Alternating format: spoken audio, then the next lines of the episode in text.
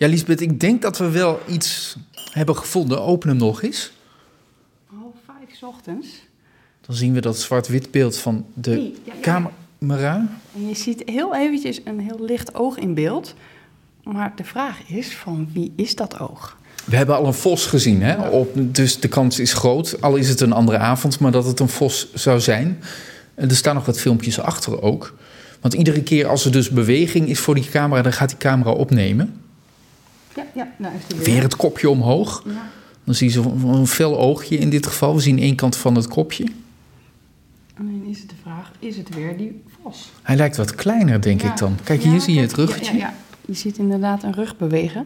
Het zou ook de boommarter kunnen zijn. Hij lijkt wat soepeler te bewegen zelfs nog dan een vos misschien doet. Nou klinkt het alsof ik de expert ben. Dat ben jij eigenlijk. Kijk, daar gaat hij weer. Ik voel me nou ook echt zo'n detective.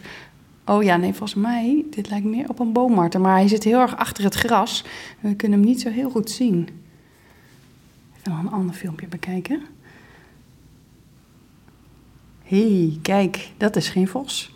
Ik zie hier een boommarter, denk ik. Althans, een marter omhoog klauteren in een boomstammetje. Hij pakt wat uit het boomstammetje Ja. En eet het op.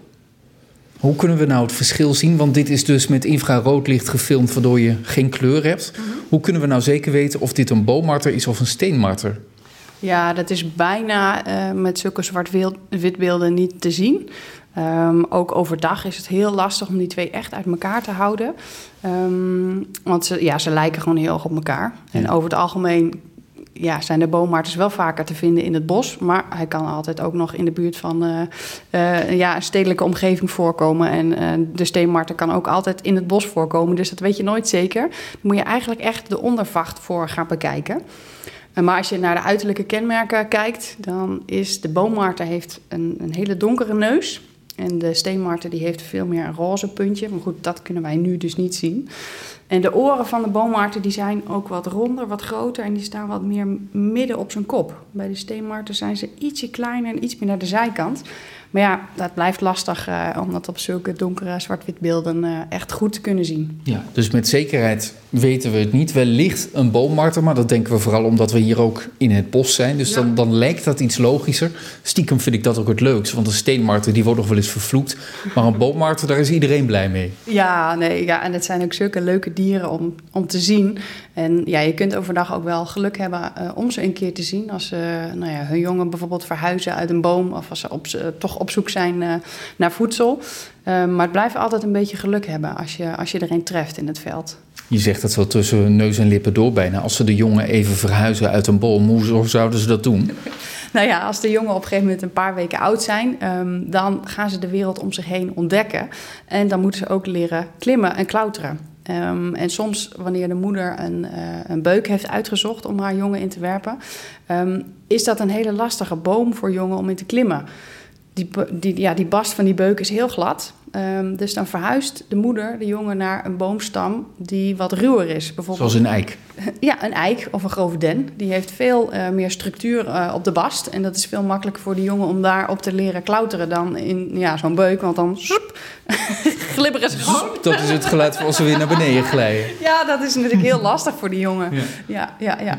Is dit, is dit waar je blij van wordt? Ja, ik word hier heel blij van. eh, want dit is een soort van ehm, geheime wereld.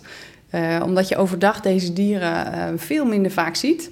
Ehm, en je hebt geen idee wat er s'avonds uh, en, en s'nachts in je tuin, maar ook in het bos zich allemaal afspeelt. En met behulp van zo'n wildcamera ja, gaat er een hele wereld voor je open.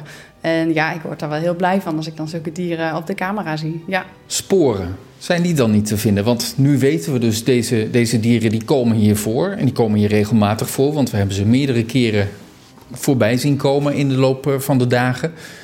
En heb jij dan geen sporen ergens dat je denkt van ja, verrek, het is ook gewoon zichtbaar? Ja. Ja, zeker. Ja, de sporen van de vos die zie ik regelmatig. En soms ruik je ook een klein beetje, ja, een beetje een typische lucht van een vos. Hoe ja. ruikt een vos? Een wild zwijn ruikt naar magie, Ja. weet ik. Maar een, een vos, waar ruikt hij dan naar? Ja, ik, ik kan het moeilijk ergens mee vergelijken. Maar um, ja, nee, ik, ik kan je niet vertellen hoe dat ruikt. Dat moet je zelf een keertje ruiken. Dat klinkt als een uitdaging. Zetten we dat in de agenda voor een volgende keer. Voor nu uh, wil ik je danken voor een, uh, voor een mooie ochtend en een mooie ontmoeting met een vos en een boommarter. Of een steenmarter. We laten het in het midden. Dankjewel. Ja, leuk.